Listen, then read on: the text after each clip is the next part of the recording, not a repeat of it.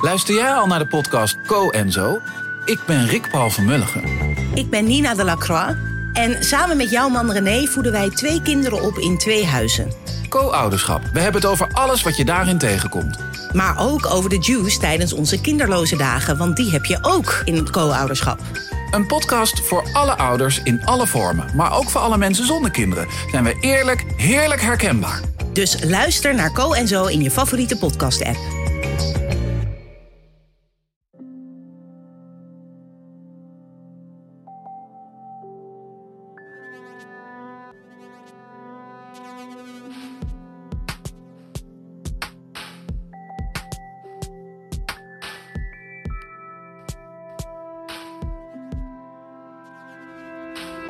Hey, dit is Pieter van Relaas. In Relaas hoor je waar gebeurde verhalen en die worden verteld door de mensen die ze zelf hebben meegemaakt. Het verhaal van Jill, dat je zo meteen gaat horen, is niet gemakkelijk om te vertellen.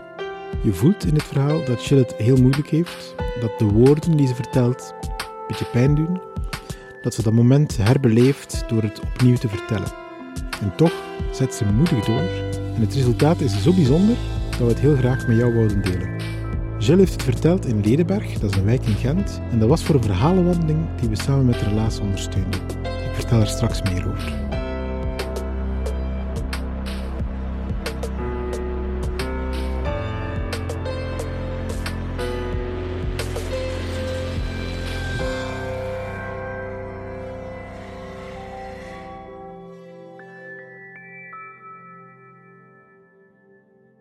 Wekker gaat af. Zachtjes word ik wakker. Van het geluid kijk ik, vijf uur. Nou, besef is er. Ik moet opstaan, want ik moet zo naar het ziekenhuis. Volle moed begin ik dubbel te checken. De tas die ik de dag voordien heb klaargemaakt. Kijken, twee handdoekjes, pyjama, kleren. Toiletgerief. En ja, natuurlijk. Ik ben een vrouw make-up. Je weet maar nooit. Dan check ik mijn handtas. Documenten mee. GSM is opgeladen. Oplader. Siskaat. Want ja, in de tijd was toen nog met Siskaat. Oké, is goed. Haren wassen. Want het zal een lange tijd duren voor je terug even kan genieten van een lekkere douche. Zo klaar. Kleren aan, ga ik naar beneden. Mijn ouders stonden me al op te wachten in de keuken. Goedemorgen. Mijn vader, goedemorgen. Zegt mijn moeder van, ja, Angel, heb je goed geslapen? Ik zeg, nee, mama. Zegt ze, ja, ik weet het, zenuwen. Ik zeg, ja, maar het komt wel goed. Mijn vader gaat ondertussen al naar beneden. Al roepend zegt hij, Jill, ben je al klaar? Want we moeten gaan. Ik zeg, ja, ik kom eraan. Mijn moeder kijkt me aan, ze ziet mijn gezicht. Zegt ze, Jill, ben je wel oké? Ik zeg, ja, ja, ja. Is normaal, is niet de eerste keer. Zegt ze, weet je zeker dat je, dat ik niet moet meegaan? Ik zeg, ja, ja, ja. Ik zeg, komt goed, ik zie je daarna wel. En uh, als er wat is, ik stuur je wel een bericht, ik heb mijn gsm mee. Oké, zegt ze. Ze geeft me nog een kus. Toi, toi, toi, zegt ze. Dacht, dag mama, tot strakjes. Ga ik naar beneden, stap ik de auto in. Nou, de weg van mijn, mijn ouders huis naar het ziekenhuis is ongeveer een kleine vijf minuten. Maar uh, in de auto was het doodstil. Mijn vader stak zelfs de radio niet aan. Mijn gedachten waren zo weg. Ben ik nu zenuwachtig aan het worden? Of twijfel? Of ben ik nog niet goed wakker? Want ja, het was vroeg. Zonder dat ik het weet, stond mijn vader aan de ingang van, de, van het ziekenhuis. Ik stap uit. Ik geef uh, mijn vader nog een kus. Zegt hij, zorg dat je alles mee hebt. Je tas niet vergeten. Ik zeg, nee hoor. Ik neem alles weg. Zegt hij, tot straks. Doe de deur dicht. Ik zeg, ja, tot strakjes. Ik bleef even stilstaan. Wat vreemd was, want normaal ben ik het gewend om gewoon binnen te gaan. Maar ik zag nog mijn vader gewoon wegrijden, want ik keek nog achter me om. En toen met volle moed heb ik gezegd van, oké Jill, kom. Het is bijna zover, je moet gaan. Kijk ik voor een aanmeldingsbalie. Begon uh, iemand al te roepen van, uh, bent u mevrouw Duivetter? Ik zeg ja, klopt. Oké, kom maar mee hoor. U, u, wordt al verwacht. Ik dacht van oké, alles wordt gecheckt, de documenten, uh, vignetjes worden geproduceerd, polsbandje krijg ik om. Zegt die vrouw tegen mij van kijk, uh, verpleegster komt zo eraan. En uh, ze brengt je meteen naar je kamer, want je staat als eerste op de lijst van de operaties. Ik zeg oké, dat is goed. Geen probleem. Nou, nog een uh, minuut later kwam die verpleegster eraan van uh, mevrouw Davitter. Ik zeg ja. Zeg ze, komt u maar mee. Gaan we stilletjes naar de gang, want het was nog heel vroeg, dus was nog niemand te bespeuren, wij enkel met z'n tweeën. De lift in. Ze wou me geruststellen, want ze zag van, hmm, die is een beetje te stil. Zegt ze, ben je zenuwachtig of uh, is het een grote operatie? Ik zeg nee. Ik zeg, ik ben helemaal niet zenuwachtig. Want ja, ik ben het al gewend. Het is niet de eerste operatie. Trouwens, het, uh, het is maar klein. Zeg ze, oké, kijk, van ik, ga, ik breng je nu naar je kamer. En uh, dan uh, bezocht ik jou die leuke schort en die kousen. Ik lachte nog van ja, hm, mode is wat anders hè. Met mijn mooie kous, uh, witte kousen en mijn operatieschort. Ze moest lachen. Komen aan op de afdeling. Begeleid ze me naar de kamer. Zegt ze, kijk, installeer je even. En ik kom er zo bij. Ik zeg, is goed. Dan ga ik lekker naar de badkamer, mijn tasje uitpakken handdoekjes in de badkamer leggen, toiletgerief. En ja, de kleertjes in de kleerkast hangen. En dan maar wachten op het bed. Zo lang moest ik niet wachten.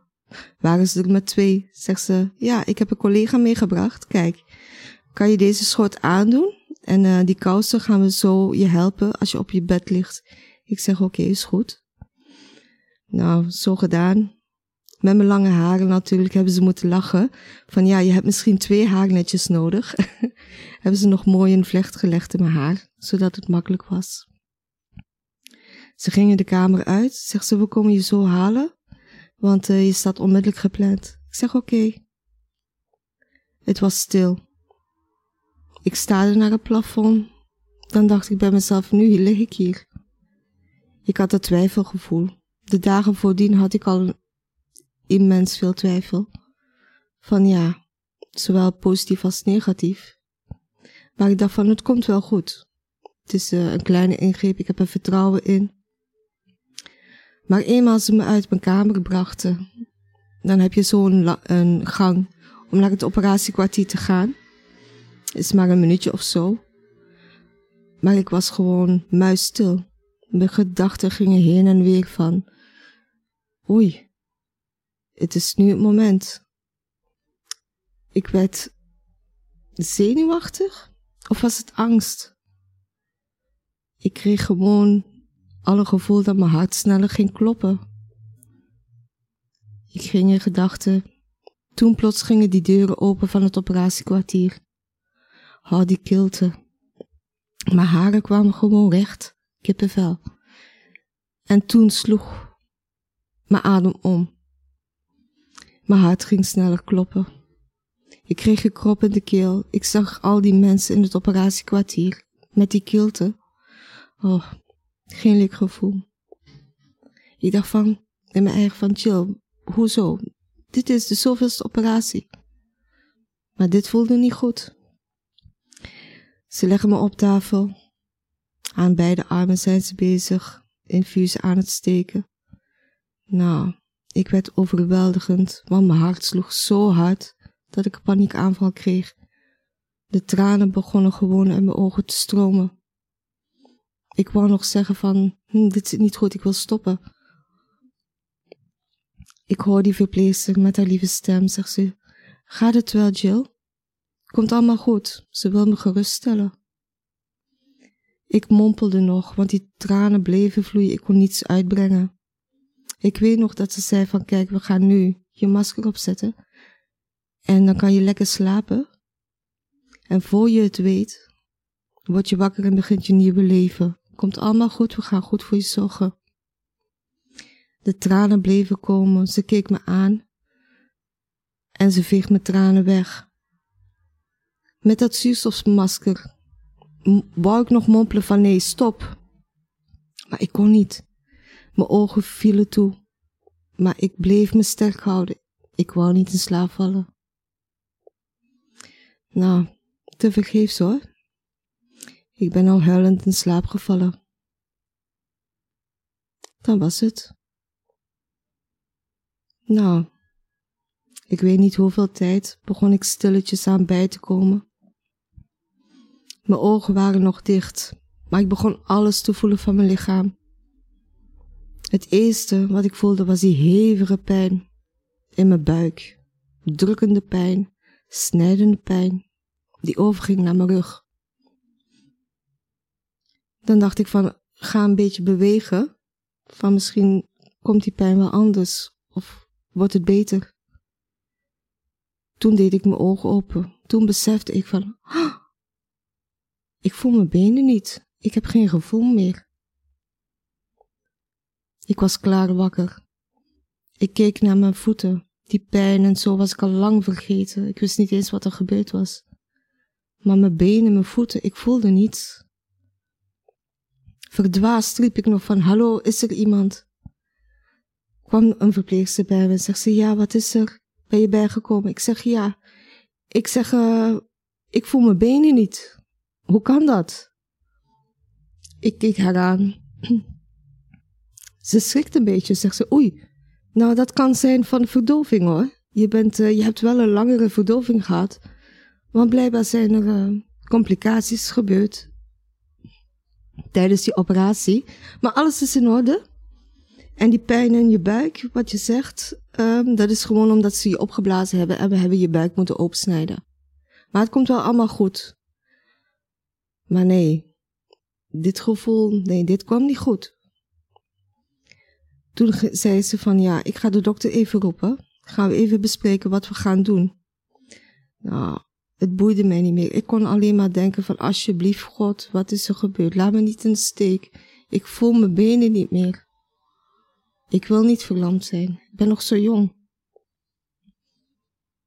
Na nog geen vijf minuten later kwamen ze met vier verplegers en de dokter. Zegt hij van Jill, kijk, uh, je moet je niet ongerust maken kan van de verdoving zijn, maar voor alle zekerheid um, gaan we een scan maken. Gaan we kijken wat er eventueel aan de hand is, want je hebt een paar probleempjes gehad tijdens de operatie. Wat wist ik nog niet. Hij heeft me toen ook niet verteld. Maar ik was er niet zo mee bezig. Ik dacht van oké, kom wel goed. Ik ben in het ziekenhuis. Zijn dokters zijn opgeleerd. Ik zeg oké, is goed. Nu, ik weet niet meer hoe vlug ik in de scanning al lag maar het was immens vlug. Nog geen minuut later kwamen ze met vier mij in mijn bed meteen halen, vluchttempo naar de scanning. Toen lag ik daar terug op de ijzeren plaat, ging die tunnel in. Toen hoorde ik een alarm. De scan was gedaan. En toen was alle hens aan dek. Iedereen was een beetje in paniek. De dokter kwam vlug naar me, zei van, uh, ja, Jill, sorry, maar we, we gaan je terug moeten opereren. Er is iets in je slagader van je benen. Dus we gaan terug naar de operatie moeten. Ik dacht van, nee, dat kan niet. Ik, ik riep nog naar hem, of ik zei nog van, bel mijn ouders, mijn, mijn moeder, mijn moeder. Want mijn moeder wist nog van niets, die verwachtte natuurlijk een sms'je van mij. Nou, mijn gevoelens waren zo verward. Ik begon te huilen. Ik begon paniekerig te worden. Ze hebben me vastgehouden. Ik schreeuwde het uit. Ik zeg, dit kan toch niet, kom aan. Maar voor ik het wist, voelde ik terug die kilte. Oké, okay, het besef, ik ben terug in de operatiekwartier. Ik dacht van, God alsjeblieft. Ze zetten het zuurstofmasker op me. Ik had geen tijd om nog te beseffen. Ik dacht alleen van, chill, alsjeblieft. Ga niet vechten. Ga lekker slapen. Maar wie weet, als je ogen weer wakker wordt, was dit gewoon een nachtmerrie. En is alles weer goed. Nou, goed was het niet. Het is uiteindelijk wel goed gekomen. Maar na lange jaren, lange revalidatie, terug leren stappen, terug leren praten. Je kan zeggen een baby van 25 jaar was ik. Kan ik nu eindelijk terug zeggen van oké, met de kracht, doorzetting en met de steun van mijn dierbaren leef ik nu van dag tot dag, ondanks met pijn, maar ik geniet van het kleinste ding in het leven.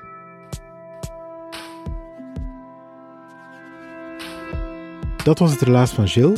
Ze heeft verteld in november van 2020 in Ledenberg. Het was deel van een project met negen andere Ledenbergenaars die elk op hun beurt hun verhaal wilden doen. En al die verschillende schelletjes leven van die inwoners van de wijk Ledenberg, die hebben we uitgezet op een kaart in een soort wandeling die je dan kan doen wanneer je maar wil in Ledenberg. Je rijdt of je stapt er naartoe, dan typ je op je gsm Ledenberg vertelt en je doet een goede koptelefoon op. En dan kan je door de wijk wandelen en je laten verrassen door 10 bijzondere verhalen. We maakten ze samen met het Wijkgezondheidscentrum, met de stad Gent, met het Steunpunt Geestelijke Gezondheid en met Enchanté. Een heel fijne samenwerking was dat. Als je zelf een verhaal te vertellen hebt, laat het ons dan even weten. Dat kan via onze website www.relaas.be of je kan ons ook gewoon een berichtje sturen op Facebook. Als we denken dat het iets wordt met jouw verhaal, dan gaan we jou contacteren en dan gaan we met jou en je verhaal aan de slag. We gaan op zoek naar wat het nu echt de moeite waard maakt om te vertellen. We helpen je om goed te beschrijven wat er gebeurde, wat je vertelt, maar ook wat er op dat moment in jou omging.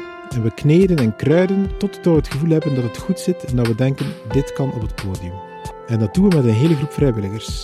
En we worden daarom ondersteund door de afdeling cultuur van de Vlaamse gemeenschap en die van de stad Gent. Onze partners zijn Urgent, Chase, Den Hopzak en Huzet. De illustraties bij onze verhalen zijn van de tekenaars van het collectief Pultelux. En jij bent een van onze luisteraars. Cruciaal aan verhalen vertellen is dat er iemand openstaat voor dat verhaal van een vreemde, iemand die je niet kent. Iemand die dan meezindert op de golven van het verhaal van de verteller. Dankjewel om mee op die golven mee te gaan.